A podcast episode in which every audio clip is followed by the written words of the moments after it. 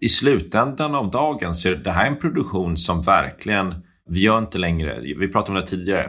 När vi gjorde den här produktionen så insåg vi det här är inte vanlig content marketing, utan det här är nästan underhållning. Det här kommer folk vilja lyssna på för att de vill nästan bli underhållna. Då ska vi vara på den spelplanen också. Så att det, det var väl egentligen sådana där saker man måste få in hela tiden. Kanske släppa lite på och, och våga, våga gasa på egentligen. Och vara modig.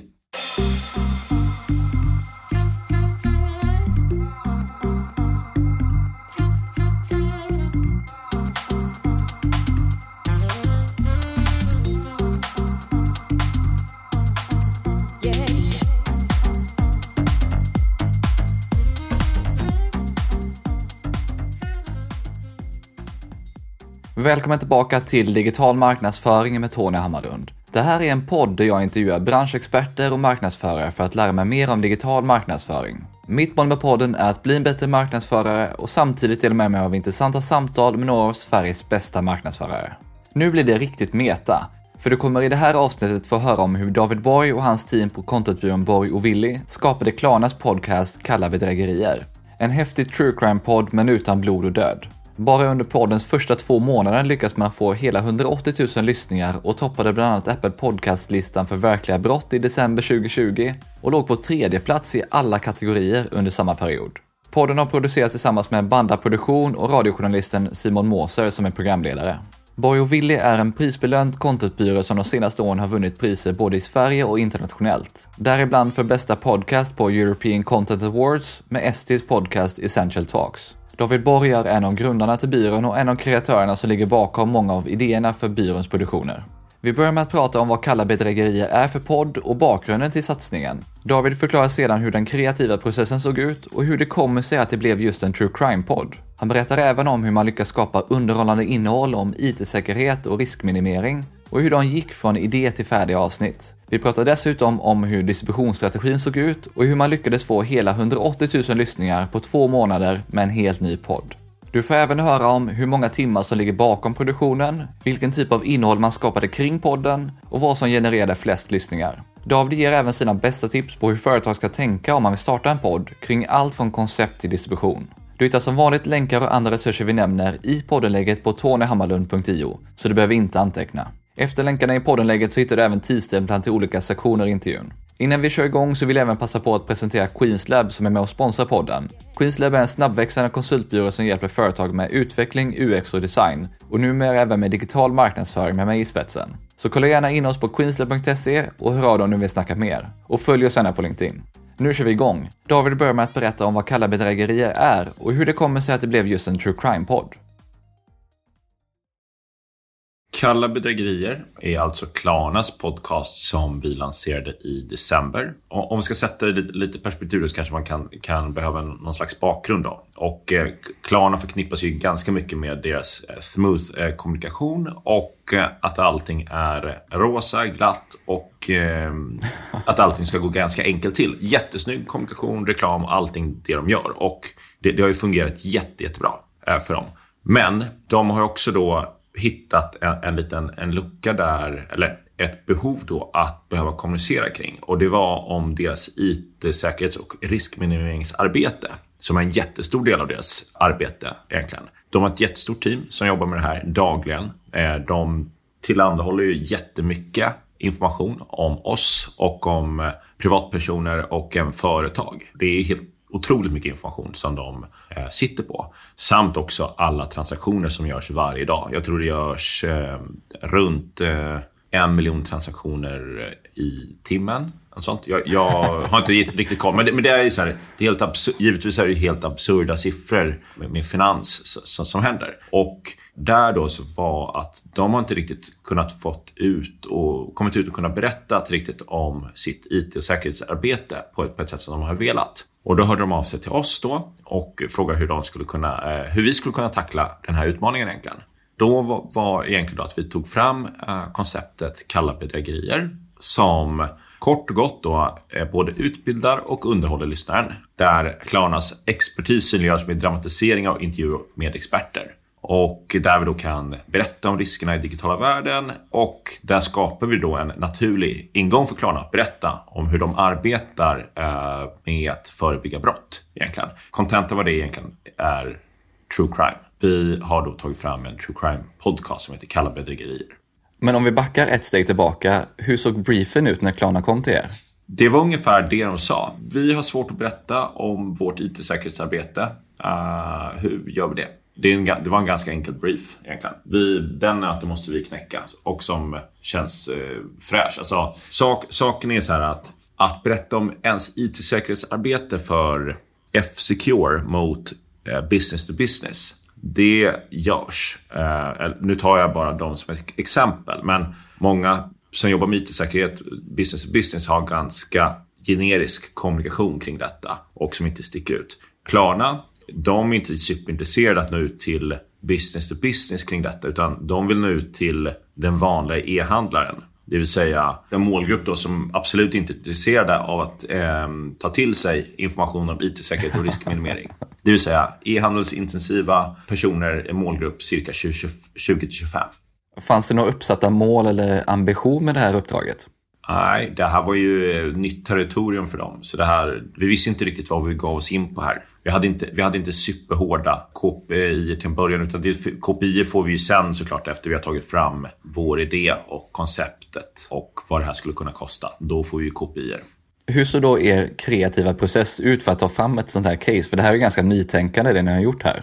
Mm, absolut. Det, det vi gör, vi, vi har någonting som vi kallar för universumet hos oss. Så universumet är egentligen ett slags eh, content-koncept eh, som vi jobbar efter. Och då har vi, vi börjar då med en, en analys av utmaningen som är ganska enkel. Sen hoppar vi lite mer strategiskt och tänker vad finns det för utmaningar? Vad är kunden behöver? Och hur matchar det här med deras varumärke? Sen sitter vi och vrider och vänder på detta som vilken typ av eh, eh kreativ process som helst. Jag älskar dåliga idéer. Eh, ofta, eh, ofta ur dåliga idéer så kommer det eh, bra idéer till slut. Alltså, ja, det kommer något frö ur det. Ja, men exakt. exakt. Och eh, de dåliga idéerna behövs ju alltid för att visa Ja, eh, som, för att visa vilka som är de bra idéerna. Så, att, eh, så, så, man sitter ju väl där och eh, försöker väl hitta någonting där och vad, vad, vad, hur vi skulle kunna eh, banka ur det här. Men kort och gott så var det så här, det här var faktiskt en ganska gediget strategiarbete. Vi gick igenom vad målgruppen, nu sa jag 20 till 25 tidigare, 20 till 40 är snarare målgruppen här. Eh, vad gillar målgruppen 2040? Vad är det som trendar just nu inom eh, kommunikation? True crime-poddar. Det är det som går bra just nu. Och eh, då satte vi ihop ganska snabbt då ett plus ett här. Okej, okay, brott kopplat till IT och true crime. Har det någonting? Ja, kanske. Det är inget mord. Men eh, vi kollar också då på true crime-poddar varför folk inte lyssnar på det eller vad, vad som får folk att kanske backa från det. Och då hittar vi också att det finns en lucka där och det finns vissa true crime-poddar som går bättre som inte innehåller allt för mycket blod och eh, död. Så då så här, aha, okej, okay, då är vi här helt plötsligt. Så det här var, det här är egentligen, det är inte så att vi kom på en smart idé och backade in eh, idén in i, i Klarnas brief här egentligen, utan det här var faktiskt eh, just det här konceptet, det är faktiskt grund, ett grundarbete som, lägger sig, som ligger i, i en, ett, ett skickligt strategiarbete där, där vi kunde då eh, sätta ihop det här. Ja, för podd är ju ett ganska outforskat område just när det gäller content marketing och den här typen av brandade innehåll. Varför tror du det är så få som satsar på det än så länge? Dels är det att det är en väldigt konkurrensutsatt eh, marknad på just poddar. Så att eh, det, är svårt att få eh, faktiskt eh, en, publik. Eh, det, är, eh, bara i Sverige så finns det 8000 poddar på svenska. Det är en jättemarknad. Det, det, det kan vara lite svårt tror jag, för, för företag att veta exakt hur, hur de ska göra kring poddar. Sen, sen tror jag att de inte kan formatet riktigt ännu. Så att vi när vi sitter och pratar med, med våra kunder om podcast så undrar de fortfarande lite hur man lägger upp podcast på en server och om poddar håller på att dö ut och sådana saker. Folk har inte riktigt koll på, på själva eh, formatet eh, egentligen. Så, att, så jag tror mer, eh, jag tror framförallt att det är ett, ett kunskapsglapp där. Vad ser du då för fördelar med ljud och podd kontra andra innehållsformat? Det finns ju inget annat format där man kan få till de här eh, long tail förutsättningarna, alltså långt berättande på ett lika kostnadseffektivt sätt som podcast. Podcast är också så här, jämfört med reklamfilm eller eh, st stora snygga naturbilder, så det är doft och ljud som kan få oss att resa i tiden. Det är så här, om du går ner i en, eh, om du känner en viss doft så kan du tycka att det luktar som din farmors eh, källare från när du var barn. Och så har du rest tillbaka till din farmors källare bara på ett ögonblick. Eh, det går att göra med film, men det kostar flera miljoner att bygga upp ett Paris i, eh, under 1800-talet. Men här räcker det med att någon skriker någonting på, på franska och en hästvagn så har du byggt upp en, en 1800-talskuliss i Paris. Där har du jättefördelar. Sen är det få, få som efterfrågar det från högre upp egentligen. Eh, sen är det så här, alltså du har lite fel. Jag tror alla företag har testat på poddar, faktiskt. Men ambitionen har ju varit så låg så är det nästan onödigt att göra. Det har ju varit, eh, nu raljerar jag lite, men det har ungefär varit så att alla företag har typ testat på det där man, du säga, låtit två experter eh, låtit dem få springa in i ett rum med varsin mick och spela in. Och sen har någon halvt klippt ihop det och lagt på någon liten ljudmatta och en logotyp och sen är det mobilföretaget X podcast om Internet of Things. Så är det klart. Eh, och så, gjordes, så var det hela 2015, 16, 17 egentligen. Sen tröttnade alla. Men det är ungefär som att man låter två experter springa ut med varsin jättedyr kamera och berätta om samma frågor. Det är ingen som skulle göra så. Utan man tar in ett filmteam som kan filma. Man tar in en regissör, man tar in eh, en duktig klippare. Jag tror vi är mellan någonstans här. Så vi hade en peak med poddar. Alla skulle göra det, men ingen fattade hur man gjorde. Och sen dog det. Och sen nu tror jag vi är på en, eh, en ny våg, eh, egentligen. Nu vill jag inte använda för mycket pandemiretorik här, men jag tror att vi är inne på en, ny, en våg här som, som vi kan faktiskt surfa på eh, för, för brandat innehåll. Där det finns eh, jättestora möjligheter. Ja, men men det, det handlar om att ha eh, rätt typ av ambition och förstå att det här, det här är ingenting där du slänger in två experter så är det färdigt. Utan det behövs eh, redaktörskap, det behövs en, en stark idé och eh, det behövs en slags ambition i, eh, i produktion, i annonsering och ehm, då, då, kan det flyga. Och eh, framförallt en långsiktighet i det. det är så här, jag, jag sa tidigare här att det är hård konkurrens. Om det är 8000 svenska poddar och du bara kör ut några avsnitt och lägger ner det sen, ja, då spelar det ingen roll. Det är så här, du måste tro på processen och ha uthållighet och eh, bygga upp din publik och förtjäna den. Precis som med en YouTube-kanal eller eh, ett sociala mediekonto så måste man ha den här uthålligheten.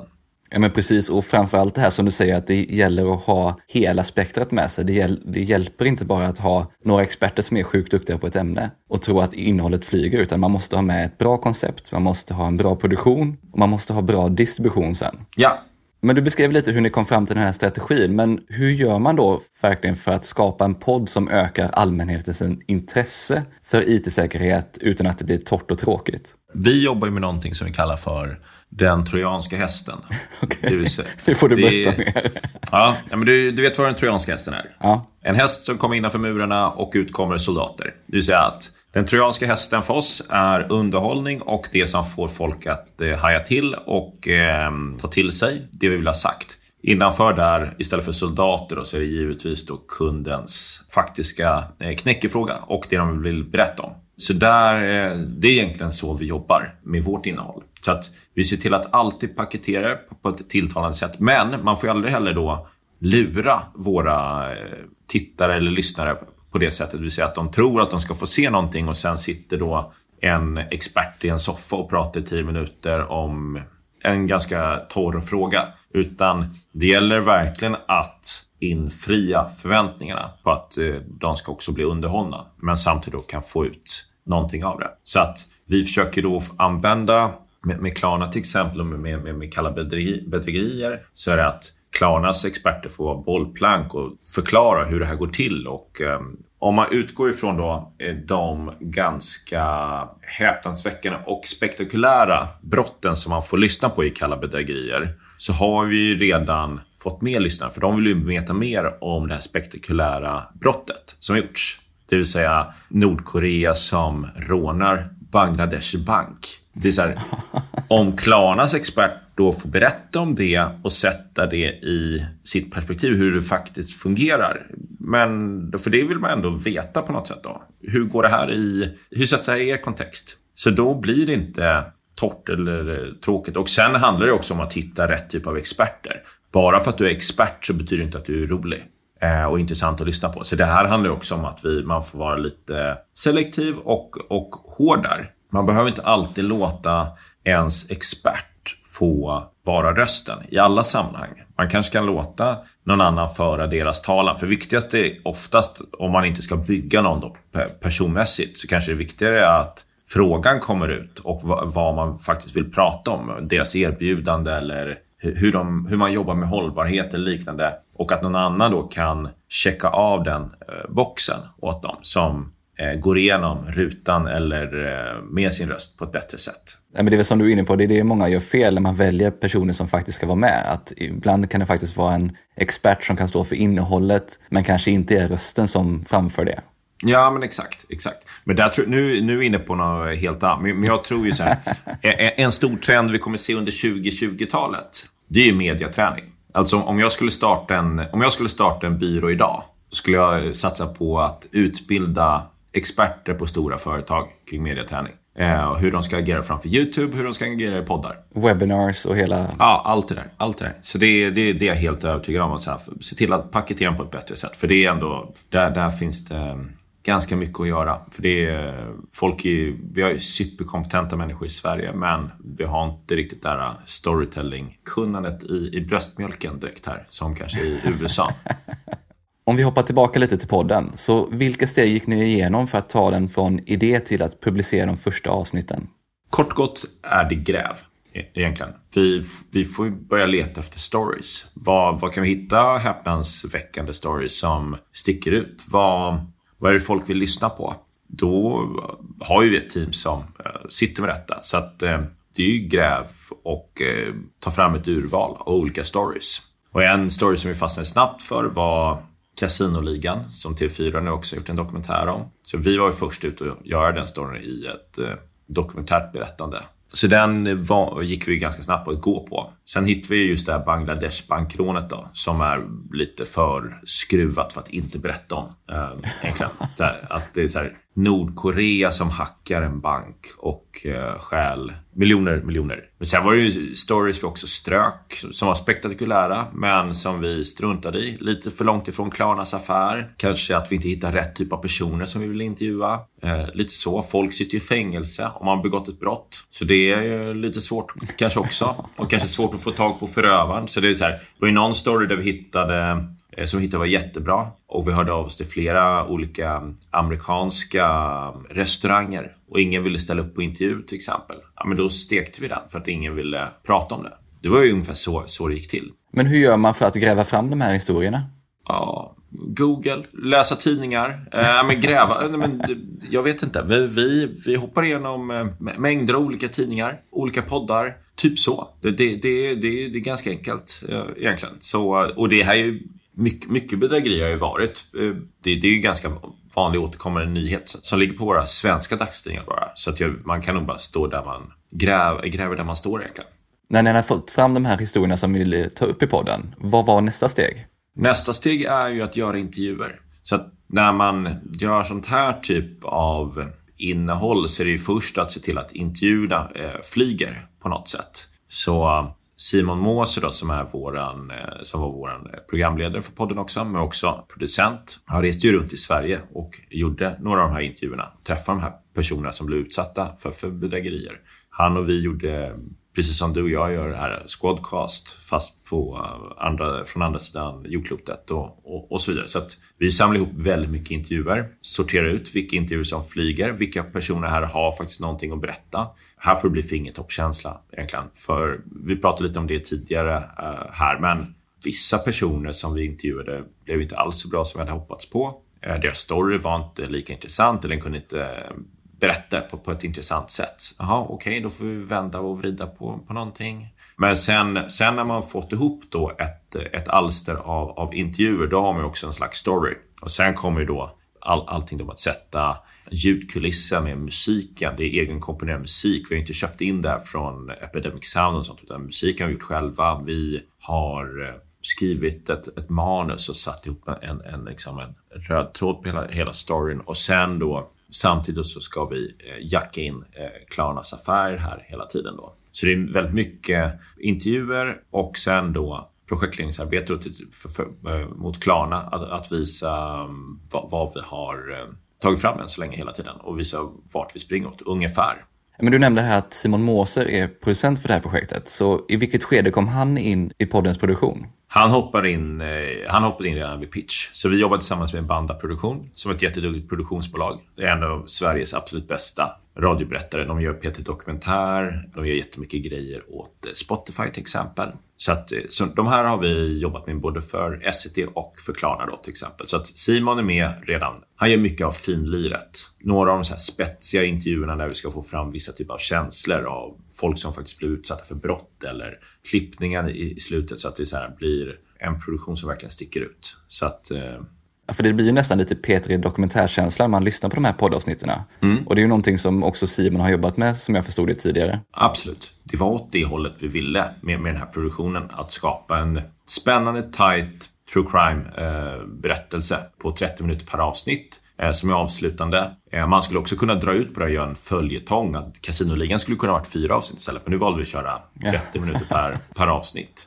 Det, det, vi, vi delade samma, samma bild egentligen. Och Simon är ju jätteduktig på att skapa det här intima berättandet som skapar en nerv, en, en, en sinnesstämning som är väldigt spännande. Innan David fortsätter berätta om det här caset så vill jag presentera en ny sponsor här i podden. Och det är Frilansfinans. Sveriges största egenanställningsföretag som låter dig frilansa och fakturera utan eget företag. Du slipper tänka på bokföring, momsredovisning, skatteinbetalningar och annat tråkigt. Och du kan istället fokusera helt på det du gillar och få lön direkt in på kontot, skattat och klart. En perfekt lösning för enstaka uppdrag om du vill testa en idé eller helt enkelt komma igång snabbt med ditt frilansande.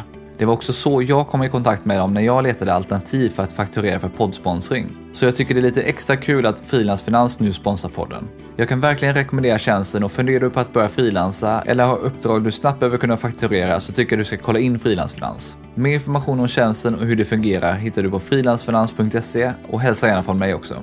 Stort tack Frilansfinans för att ni är med och sponsrar podden. Hur tog ni då från att ni har gjort de här intervjuerna, ni har skapat bra manus för hela avsnitten. Hur ser resten av produktionen ut? Postproduktion, väldigt mycket. Vart ska in vart? Eh, när kommer Klarna in i det här? Vad, vad ska bort? Hur får vi ihop det här på ett tajt sätt? Men oftast är, så här, är, är ju postproduktion och eh, feedback från, från kunder ibland lite krånglig för man har kanske lite olika vision och bild.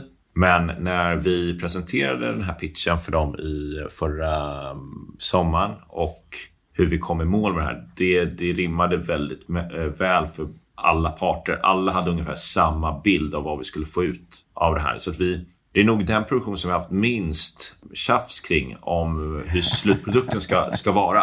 Eh, och då, då, då är det så här, Klarna är ju en av de absolut bästa beställarna vi har jobbat med. Med så här, höga krav, tydliga kopior och eh, excellent eh, projektledning från deras sida. Så att det är så här, att få väldigt lite feedback från dem eh, innebär ju också att vi har gjort väldigt, väldigt mycket rätt i produktionen eh, egentligen och att det rimmar väl med, med deras förväntningar. Så att eh, det var nog när vi skickade över första eh, vändorna till dem så var det okej, okay, vi visste att det skulle låta bra, men så här bra. Det var reaktionerna ungefär.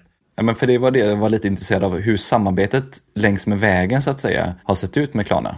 De, de sätter en kravbild, egentligen så. Och eh, återkopplar med feedback, eh, egentligen. Och eh, hur det rimmar med, med deras varumärke och eh, deras utmaning. Det är ju där man står alltid med en kund, beroende på hur projektet går. Vi ska ju se till att det ska vara så lite huvudvärk för dem som möjligt och att ingen hos dem verkar vara en eh, idiot mot sin chef på något sätt. Det är, det är ganska mycket det en byrås jobb går ut på. egentligen. Då. Så från vår sida så handlar det också om att ha så bra projektledning som möjligt och det är något som vi tar på stort allvar hos oss. Så vi, vi, vi har ju väldigt duktiga eh, projektledare hos oss som får våra, våra personer på andra sidan att känna sig, sig bekväma eh, i alltihopa. Det är väl så ett samarbete fungerar eh, egentligen. Så att, och ha, ha skoj på vägen. Det, det är väl egentligen så. Att, Vad har då varit svårast eller de största utmaningarna längs med vägen?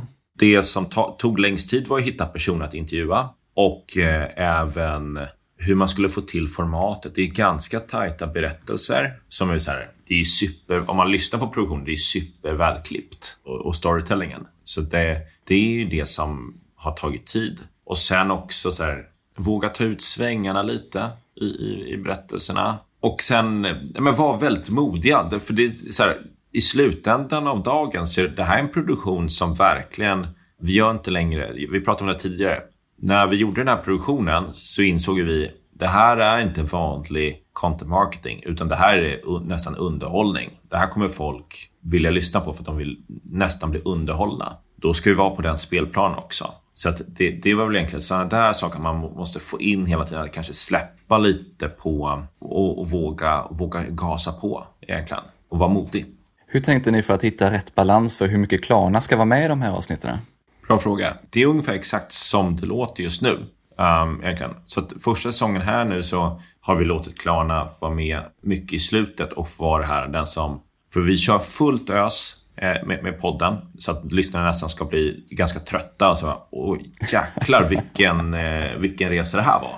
Och sen då, okej okay, nu får jag landa lite här och tänka till. Och då ska det vara, fungerar nästan som att man får använda då Klarnas experter som, som en mentor eh, kring detta och förklara faktiskt vad är det ni har lyssnat på? Hur har det här gått till rent tekniskt? Vad, hur, hur, funkar, hur funkar detta? Och sen då låta Klarna få komma till tals då ordentligt eh, sista fem minuterna av varje avsnitt. Det är precis som du säger att det är väldigt schysst produktion där man får fullt ös hela vägen och sen så blir det bara en paus och så ger Klarna någonstans sin kommentar på det hela. Exakt så. Och där, där när vi satt med den här produktionen så var det så här, vi, vi, har, vi har inte gjort det här förut och det är lite det som jag återkommer igen, till som vi sa tidigare här, men vi gillar ju att testa nya saker. Men det innebär ju också att man begär sig ut på okänd mark. Och då är det vi som får stå där med mössan i handen och säga till Klarna, det här funkade inte riktigt. Vi trodde att det här skulle fungera. Det gick inte riktigt. Det som vi valde nu som ett säkert kort då är för att folk verkligen ska lyssna på det. För vi visste ju om att vi hade stories som var tillräckligt intressanta. Men om man låter då en, en expert då få komma in och, och bryter av det här tempot mitt i avsnittet, då kanske vi tappar lyssnaren. Så då lät vi dem få komma in i slutet istället. Vi skruvade upp tempot istället då, och precis som, som jag sa, att de kommer in i och kan få landa lyssnaren lite. Och det vi har visat här nu när vi kollat på, på, på siffrorna här så har ju vi, vi har 105 procent på vissa avsnitt, alltså genomlyssning. Då hajade jag till 105 procent vadå, det finns, inte, det finns bara 100 procent, vadå 105 procent? Då visar det sig att nej, men folk spolar alltså tillbaka avsnittet för att de inte riktigt förstått allting och vill lyssna hur saker har fungerat. Eh, så att det är 105 procent tydligen. Så att när folk spolar tillbaka och lyssnar igenom några sekunder till när de inte, kanske inte hajar till riktigt. Så vi har en genlyssning då på hela avsnitten som är helt otroligt. Ja, men det är riktigt häftigt att höra och jag kan förstå det också för det är ju riktigt bra produktioner. Sen är det också det här att det här är ju poddavsnitten som vi pratar om. Men mycket idag när man pratar om att producera podd så är det också mycket innehåll kring podden. Så hur har ni tänkt kring det och hur har ni använt intervjumaterialet? Dels har vi transkriberat många av de här casen i, i native-artiklar som har tryckt upp, tryckts ut då via Schibsteds eh, olika kanaler. Omni.se, Aftonbladet och så vidare. Och försökt få in dem på podden. Men det behövs inte alltid heller, för vi kan få ut det som det räcker att folk läser native-artikeln och får lite info om det och till sig några tips från, eh, eh från Klarna kring eh, wishing, phishing eller hur man ska skydda sin identitet online. Det som vi gjorde framförallt för poddarna då var ju ganska maffia-trailers för stories och eh, innehåll för sociala medier på olika sätt. Som gjorde. Så att vi hade ett ganska uppstyrd eh, och eh, feta assets där som vi tryckte ut då i sociala medier. Ja, för då kommer vi in lite mer på distribution. Så på webbsidan beskriver ni det här caset och där skriver ni att ni har 180 000 lyssningar under de två första månaderna för podden. Så hur såg strategin ut för att lyckas skapa det här med en helt ny podd?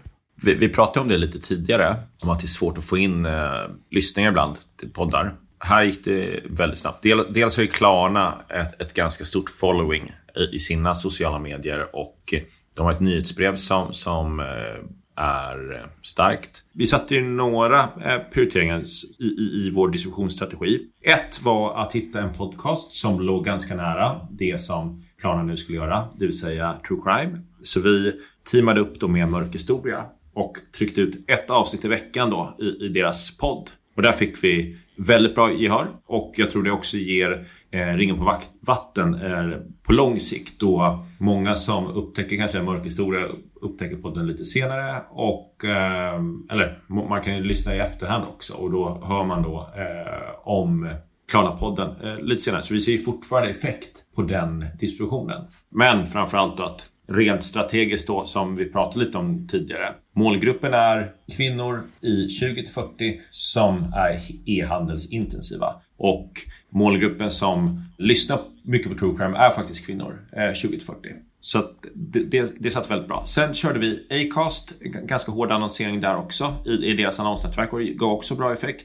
Och sen fick vi ut en hel del PR också. Så vi gjorde ett pressmeddelande och skicka ut då. Så vi fick ut det på Café, eh, Nöjesguiden och Breakit bland annat. Ja, för det var någonting som jag lade märke till när jag googlade runt och gjorde lite research kring podden, just att ni har fått väldigt mycket PR för en podd. Så var det en uttalad strategi och hur jobbar ni med det? Jag, jag, tyckte vi kunde fått mer PR faktiskt eh, på podden. Så att, eh, det är ofta någonting som vi jobbar med eh, där, eh, som vi alltid bakar in i, i, i vårt arbete. Men just PR-biten tycker jag vi kunde gjort bättre egentligen. Men eh, ab, ab, absolut, så, eh, så, så, så, så gick det. Klarna är ganska klickvänligt varumärke. Det är så här, alla hajar till om man ser Klarna. Det är ju bara att kolla. Break, Breakit går väl runt på Klarna.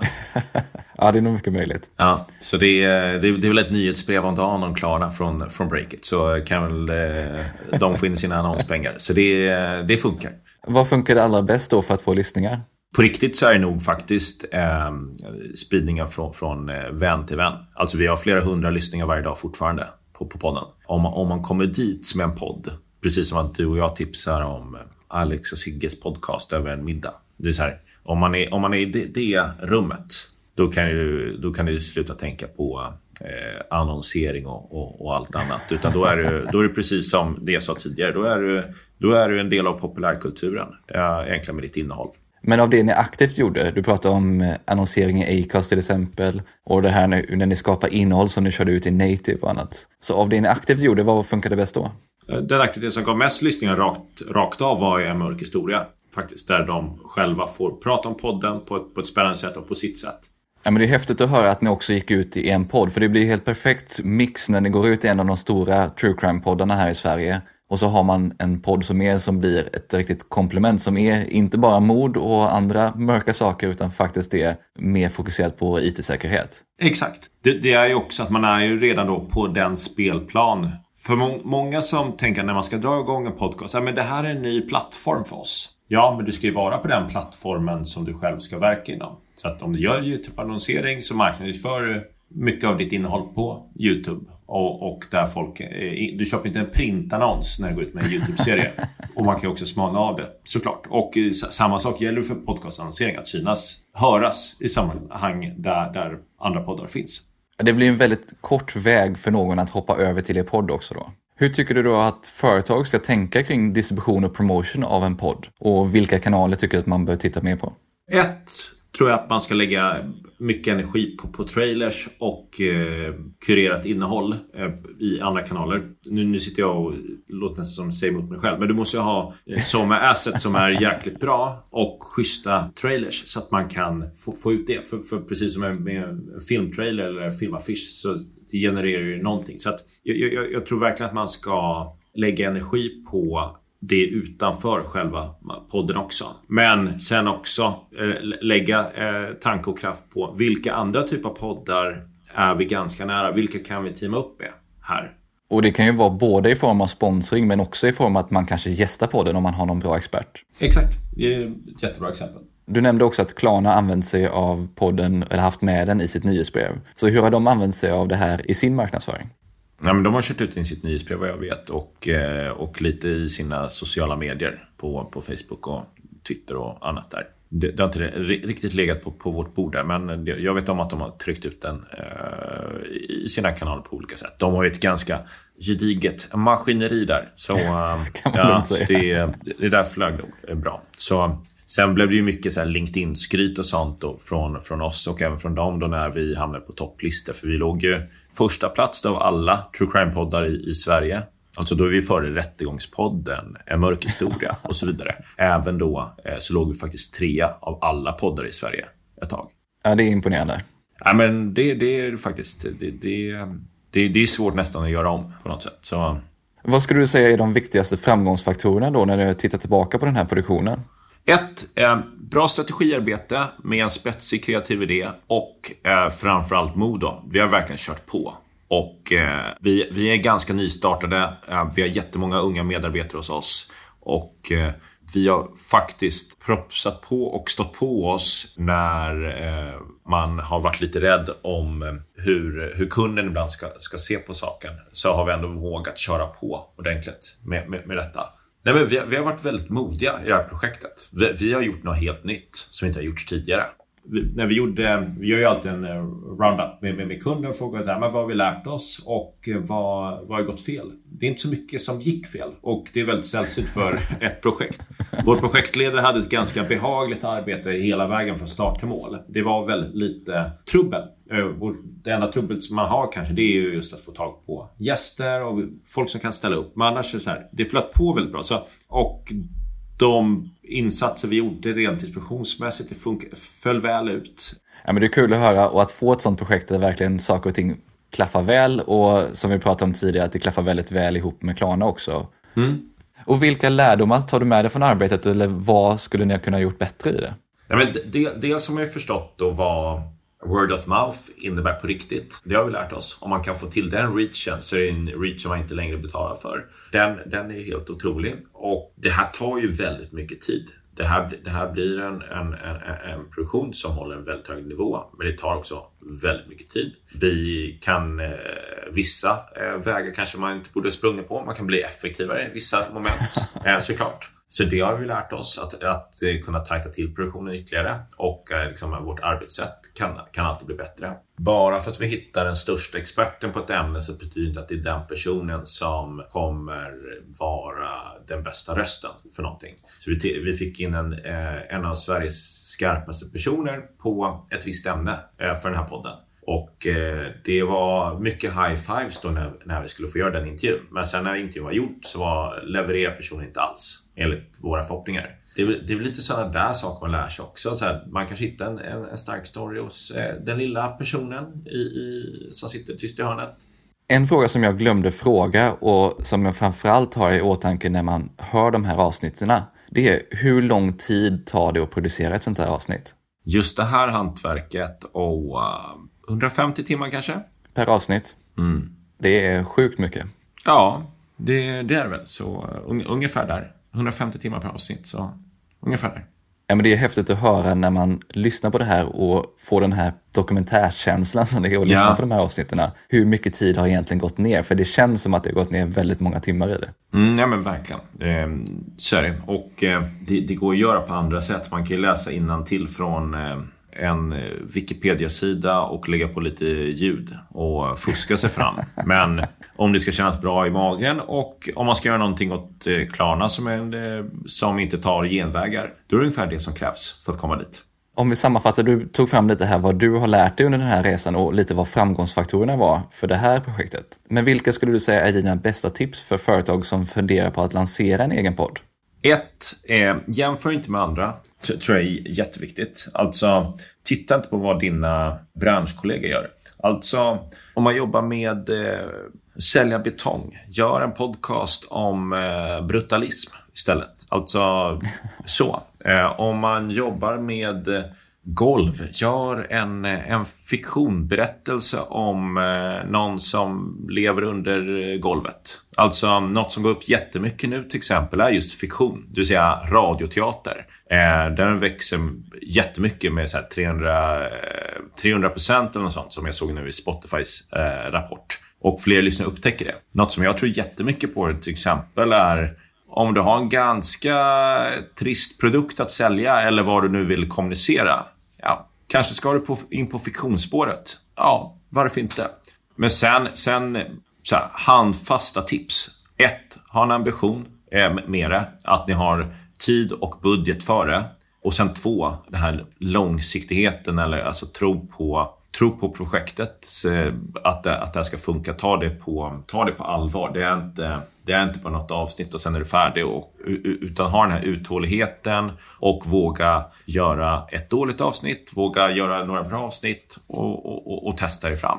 Någonting som jag brukar prata om som jag tycker att många missar, det är just distributionen. Mm att man inte slutar vid att ha en färdig produkt utan att man faktiskt ser till att hur tar vi det här vidare? Hur skapar man mer innehåll av det och hur får man faktiskt lyssnare till det? Du är inte bara färdig med, med produktionen utan sen ska du också se till att få ut det och jobba eh, intensivt med det. Ni har tagit fram väldigt bra innehåll förhoppningsvis. Se till att återanvända det också. För det är, inte, det är inte att ni bara kör ut det en runda, sen är det färdigt. Utan fortsätt trycka ut det i, i era kanaler. Ja, i olika typer av innehåll också. Att det inte bara är podden som ska hackas upp utan att podden kan bli så mycket mer. Som du var inne på, det kan bli native-artiklar, det kan bli gästblogginlägg, det kan bli sliders på valfritt sociala medier. Så det kan bli så mycket mer. Ja, exakt. Vad, ska säga, vad är dina bästa tips för att få till rätt koncept och rätt upplägg? Du var inne här på att man inte kanske ska vara så bokstavligt talat med sin bransch, att man alltid behöver vara experten på betong som du kanske tog som exempel. Då. Ja, men. Jag, jag tycker det är ett bra exempel. Alltså, hoppa ner i, i ämnen som faktiskt kan intressera en viss typ av målgrupp. Nu kanske så här, brutalism eller och betong i arkitektur kan vara jättespännande. Att man pratar om hur fotbollsarenor är uppbyggda eller vad, vad faktiskt betongen har betytt på, på olika sätt i, i, i, i vår historia. Och kanske man kan hoppa ner då i brutalismen och kommunismen. Vad, vad, vad, vad har vi där? Varför tänker man alltid på James Bond-skurkar när man tänker på stora betongbyggnader? Och vad, så här, vad har det för historia? Jo, men det kanske har med... Eh, dels har vi med kommunismen, men även fascismen som också älskade betongen jättemycket. Det tycker jag är ett bra exempel. Men sen, sen beror det helt och hållet på vad, vad man vill, vill, Det här handlar om all typ av innehåll. Sätt det i en kontext vad folk faktiskt vill ha. Det är så här, om man ska sälja vin. Det är så här, ja, kanske inte ska... Om man ska sälja vin till eh, genomsnittsmålgruppen så kanske inte ska berätta hur du ska paketera ihop Eh, champagne och olika bubbel med ostron. Utan du kanske så här, vilken champagne passar bäst med korv med bröd? Kanske. Alltså få saker att sticka ut på, på något sätt. Det, det, det är väl egentligen det som man måste göra alltid när man jobbar med innehåll. Ja, välj inte bara den självklara vägen utan så här, tänk hur kan jag göra det på ett annorlunda sätt som inga har gjort det förut? Hur har du din egna unika röst i det här sammanhanget? Hur kan jag få ut det? Det tycker jag är ett fantastiskt sätt att avsluta det här avsnittet på. Stort tack för idag David och att du har kommit hit och berättat om det här häftiga caset. Det här är riktigt imponerande och jag har lyssnat på alla avsnitten och jag tyckte framförallt det här första avsnittet om den här ryske superhackaren var riktigt intressant. Ja, just det. Ja, men tack, tack så jättemycket. Det var jätteroligt att få komma hit också. Eller sitta eh, över länk med dig. Eh, det är så det heter. ja, vi ser varandra i alla fall över video. Ja, men exakt, exakt. Ja, men det var jättekul att få, få vara med. Uh, verkligen. Uh, tack så jättemycket. Det här var extra kul och både podd och innehållsskapande är något som av förklarliga skäl ligger mig väldigt varmt om hjärtat. Så det var riktigt häftigt att höra David berätta om det här projektet och hur man gick tillväga för att ta fram idén. Men också hur man gick från idé till färdiga avsnitt och hur man lyckas få 180 000 lyssningar på bara två månader med en helt ny podd. Och har du inte lyssnat på Kalla bedrägerier än så kan jag verkligen rekommendera att lyssna in, för det är riktigt intressant innehåll. Och du hittar självklart länk till podden i poddenlägget. Jag har som vanligt tagit mängder med anteckningar och det här är mina främsta insikter från intervjun med David. 1. Att det är viktigt att förstå att man inte bara konkurrerar med sina konkurrenters innehåll, utan även annat som din målgrupp läser, lyssnar eller tittar på. 2. Att arbeta igenom idén och konceptet ordentligt samt att våga tänka utanför boxen. Och jag gillade verkligen tänket kring den trojanska hästen när det gäller innehåll.